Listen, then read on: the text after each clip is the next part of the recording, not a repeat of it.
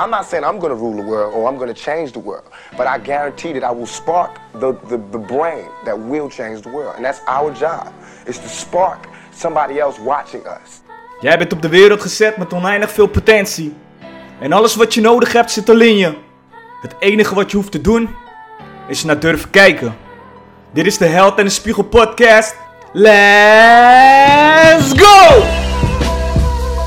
Held, heldin, welkom. Ik ben jullie host, Mike. En ik hoop dat alles goed met jullie gaat. Dat je gezond bent. Het is maandag, 25 mei. En dat betekent een nieuwe week, een frisse start. Naar mijn mening is een van de mooiste kwaliteiten die een leider kan hebben, is de verbinding aangaan met zijn mensen. Vanuit de verbinding met zichzelf. Sommige leiders, die hebben een bepaalde charisma. Ze stralen warmte uit, openheid. En je hebt gewoon het gevoel dat je altijd bij hun terecht kan. Daartegenover staat een leidinggever of een leider die heel koud, heel kil is, afstandelijk en autoritair. Ik heb beide heb ik meegemaakt in, uh, in mijn leven. En zelf heb ik een aantal fases ook, uh, ook gehad als het gaat om uh, verbinding. De eerste fase waar ik in heb gezeten is dat ik te lief wilde, wilde zijn. Ik wilde voor iedereen wil ik, ja, dienstbaar zijn. Andere fase was dat ik gehecht was, maar mensen moesten niet te dichtbij komen. En de laatste fase waar ik in heb gezeten, is die met de verbinding vanuit mezelf. En wat ik daarmee bedoel is mezelf bestaansrecht te geven. In alle openheid te communiceren. Mezelf vergeven als ik uh, fouten maakte, maar ook andere mensen vergeven. Als ze bijvoorbeeld iets niet goed hadden gedaan. En je meer richten op ja, de, de, de liefde en de openheid uh, die er uh, kan, uh, kan zijn. De waarheid spreken in alle eerlijkheid. En respect. Maar ook gewoon duidelijk communiceren wat, wat de behoeftes zijn. Wat we veelal doen is zeg maar werk scheiden van privé. En heel veel patronen die we in het privéleven hebben, die hebben we ook op werk en vice versa. Namelijk de drie fases waar ik in had gezeten op, op werk. Als ik ga terugkijken, heb ik diezelfde fases gehad in, uh, in privé. In eerste instantie was ik altijd op zoek naar uh, de ware, mijn soulmate. En ik had een heel perfect beeld had ik, gecreëerd van die persoon. Dus mijn lat was enorm hoog als het gaat om een partner. Ik wilde één partner voor, voor het leven. En ik klampte me echt vast als ik ja, verliefd was op, uh, op een meisje. En ik deed er alles aan om haar aan me te binden. En wanneer je dat doet, dan ben je echt verstikkend ben je bezig. En mensen voelen dat. Dus wat gebeurt er? Relaties zijn niet gezond, relaties gaan, uh, gaan uit.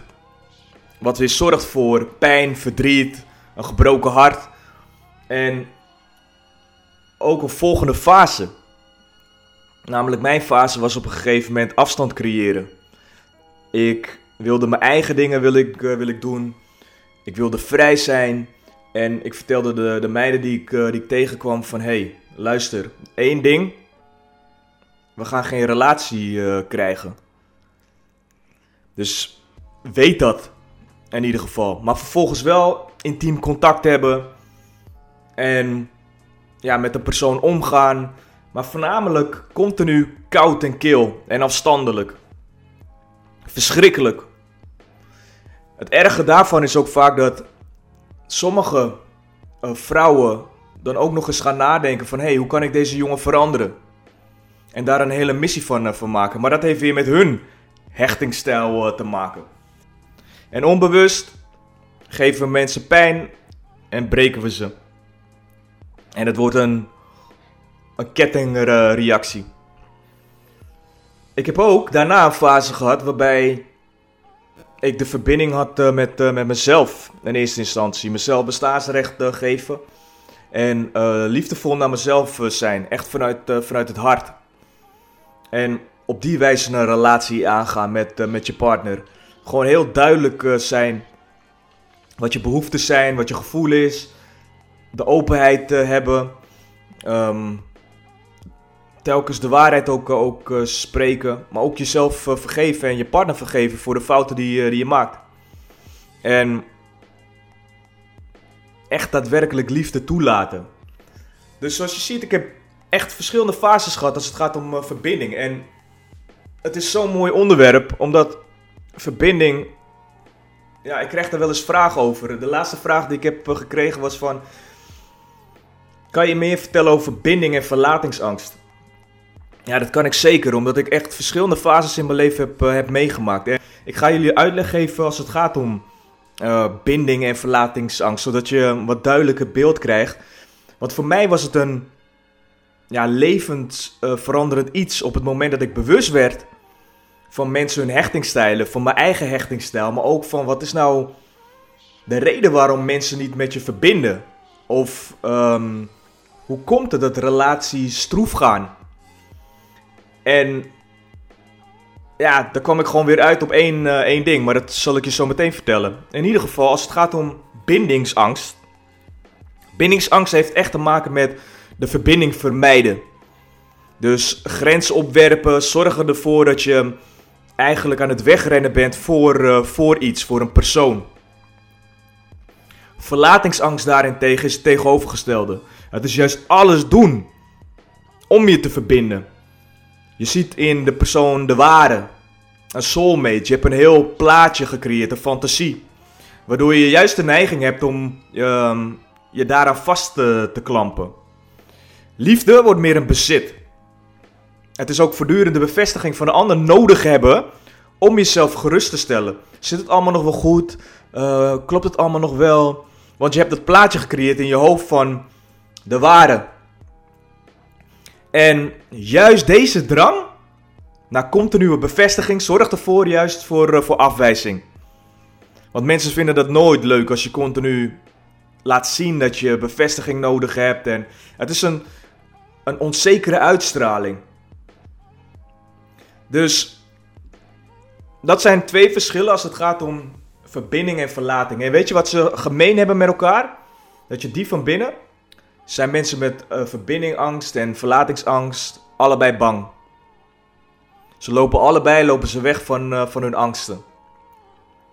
Vaak gaat het om een, uh, een diepliggende wond die je aan de oppervlakte niet, niet ziet.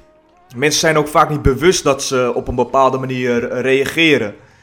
En de oorsprong van die wond zit vaak in het verleden. De, het is een ervaring die ze hebben meegemaakt, maar het kan ook zijn de manier hoe je bent opgevoed. Um, het heeft alles te maken met eigenlijk dat er geen veilige verbinding uh, was. Om een voorbeeld te geven, je kan ouders hebben gehad die op, ja, ontzettend opdringerig waren. Die je uh, geen ruimte gaven, die je continu uh, bepaalde regels oplegden, streng waren, controle uitoefenen. Ja, dat zorgt ervoor dat je op een gegeven moment angst creëert om ja, verzwolgen te worden. Het is verstikkend. Dus je maakt een terugtrekkende beweging dan. Het kan ook zo zijn dat ouders juist helemaal niet met je bezig waren. En in het extreme gewoon heel kil en koud waren. Totaal niet warm, niet liefdevol. Um, vertelde ook nooit dat ze van je hielden. En dat zorgt juist weer voor ja, een soort van gemis. Een verlies. En een angst om in de steek gelaten te worden. Dus dan ga je weer een vastklampende beweging ga je, ga je maken. Het is zeg maar de liefdesstroom vanuit de ouders die ontbreekt. In beide gevallen. Dus wat gebeurt er? De liefde gaat zich uh, opsluiten in, uh, in een wond. En juist die ervaring die je hebt met je ouders, van of verlaten worden, of ja, die koud en kille beweging, maar ook ja, de kracht van liefde die iedereen heeft vanuit het hart, die zorgt er juist voor dat eh, deze verbintenis, dus die combinatie tussen beide, de kracht van liefde, maar ook het verlaten worden, dat het herhaald wordt in de relaties die, die je gaat hebben in de toekomst. En er is ooit een, een onderzoek gedaan, en ik weet niet meer door, door wie, maar dat had te maken met dat ze konden zien hoe baby's reageren op hun, hun moeder. En op deze wijze kan je een hechtingstijl al, uh, al zien van, uh, van iemand. Een hechtingstijl is zo belangrijk, omdat wanneer je je eigen hechtingstijl weet, maar ook die van een, eh, een ander, dan kan je al heel snel kan je, de, de signalen kan je oppakken. Waarbij je denkt van oké, hier, moet ik, hier moet ik niet zijn. Deze partner, nee, absoluut niet. Dus wat ze zagen is, op het moment dat een moeder de kamer verliet waar de, waar de baby was dan waren er verschillende manieren hoe een baby kon, eh, kon reageren. Het waren drie manieren.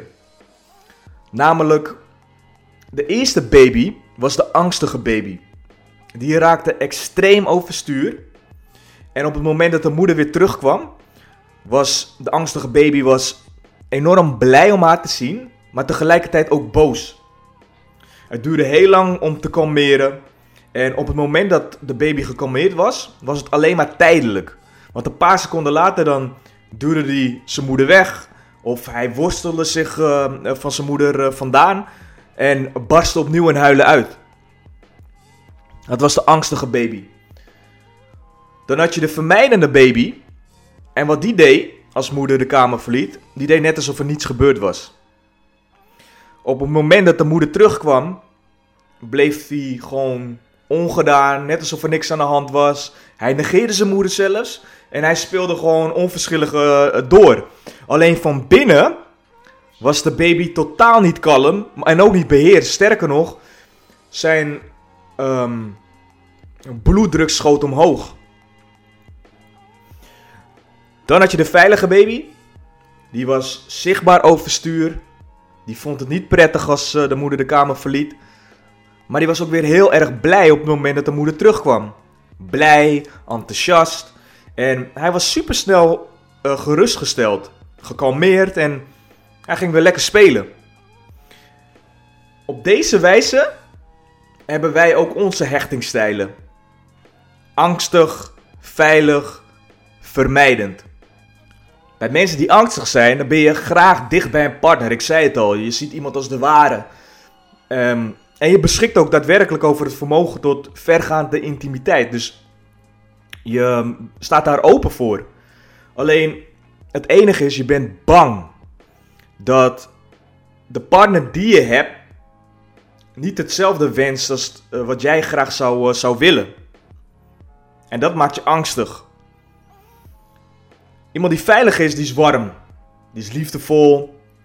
Um, en het gaat allemaal heel gemakkelijk. Geniet van uh, intimiteit.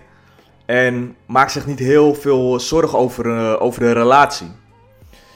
Iemand die vermijdend is, dan vind je het heel belangrijk juist om je onafhankelijkheid en zelfstandigheid te, te behouden. En je geeft je autonomie, geef je eigenlijk de voorkeur boven een intieme relatie. Dat is wat er gebeurt.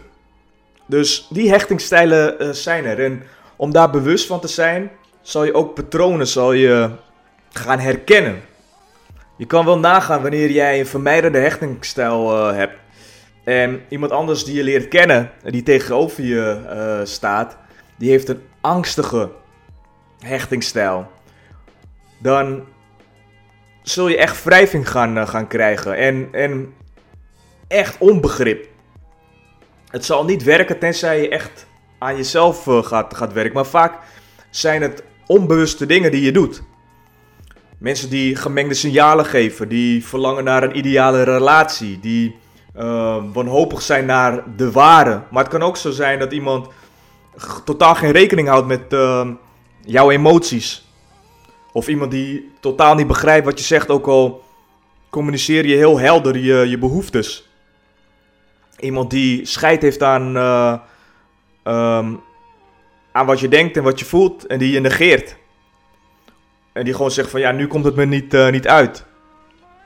Iemand die zegt dat jij zelfs te gevoelig bent en die je laat twijfelen over jezelf. Al die dingen heeft te maken dus met hechtingstijlen.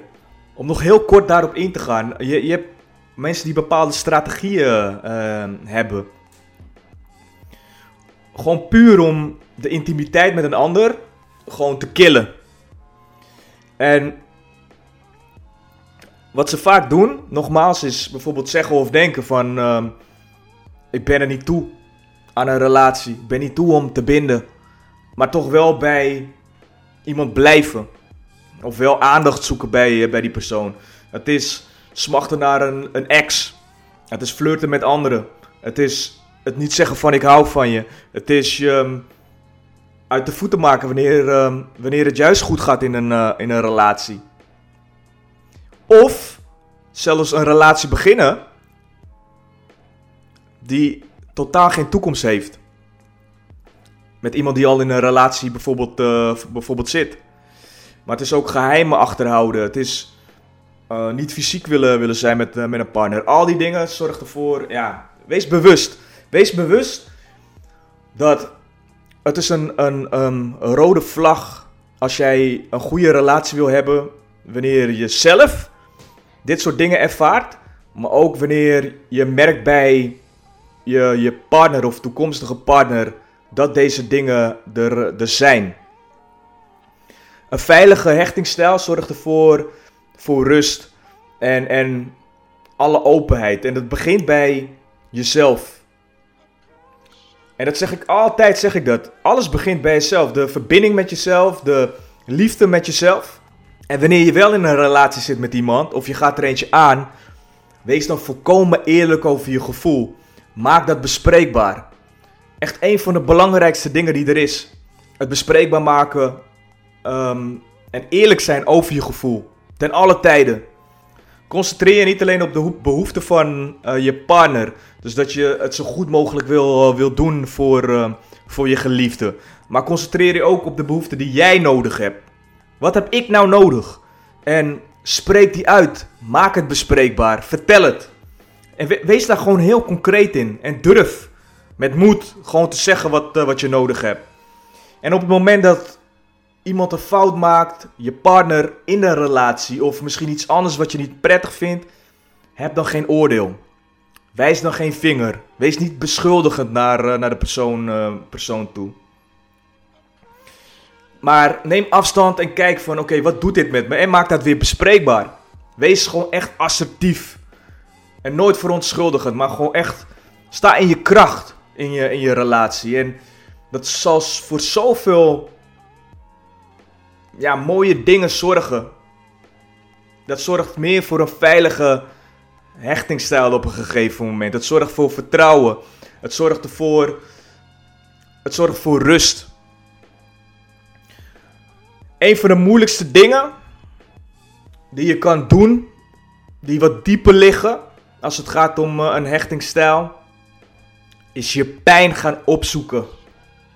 En daadwerkelijk in de ogen kijken. Want als je je, lijden niet voelt, of wil voelen, of niet durft te voelen, dan zal je meer geneigd zijn om anderen te willen veranderen. Anderen en niet jezelf. Wees bewust wanneer je in een slachtofferrol uh, valt. Wanneer je de omgeving de schuld geeft en het niet bij jezelf uh, uh, zoekt. Wat ik je wil adviseren is gewoon echt om diep te rouwen omtrent de dingen die je hebt meegemaakt, die wonden hebben achtergelaten, die je pijn hebben gedaan en die je verdriet hebben gegeven. Want dan zal er meer autonomie uh, vrijkomen. Op het moment dat je verdriet toelaat, daadwerkelijk in, in je hart, daadwerkelijk daarbij stilstaat en voelt, dan zal er een diepe betekenis aan je verdriet uh, gegeven worden. En dan zal de ervaring die je hebt meegemaakt, zal echt vele malen anders uh, zijn voor, uh, voor, voor, je. En hoe je daar naar, naar kijkt. En ik zeg eerlijk, ik weet hoe het is om pijn toe te laten, maar ook hoe beangstigend het is om, zeg maar, het lijden wat je hebt, om dat toe te staan. Om daadwerkelijk te durven kijken. Om het aan te gaan. Dat, dat vergt moed. Dat vergt echt kracht, vergt dat. Maar op het moment dat je je pijn toelaat, je oude pijn die je hebt, die ergens in je lichaam uh, wonden heeft achtergelaten, dan geeft het echt telkens opnieuw weer een kans om je dieper te verbinden met jezelf. En dat is wat, uh, wat je wil. Zodat je vanuit die diepe verbindenis met jezelf je kan verbinden met een ander. Op een veilige manier. Verbind je in het moment. Respecteer jezelf. Hou van jezelf. Open je hart voor jezelf. En daarmee ook naar, eh, naar anderen. Spreek de waarheid. Wees assertief in de dingen die je uitspreekt, maar ook in de behoeftes die je, die je hebt. Vergeef jezelf. Wees niet te streng voor jezelf. En richt jezelf op onvoorwaardelijke liefde. Ik wens je de komende tijden heel veel groei. Heel veel liefde, heel veel geluk. En mocht je nog vragen hebben of iets anders, laat het me dan weten. Ik spreek jullie snel. En peace!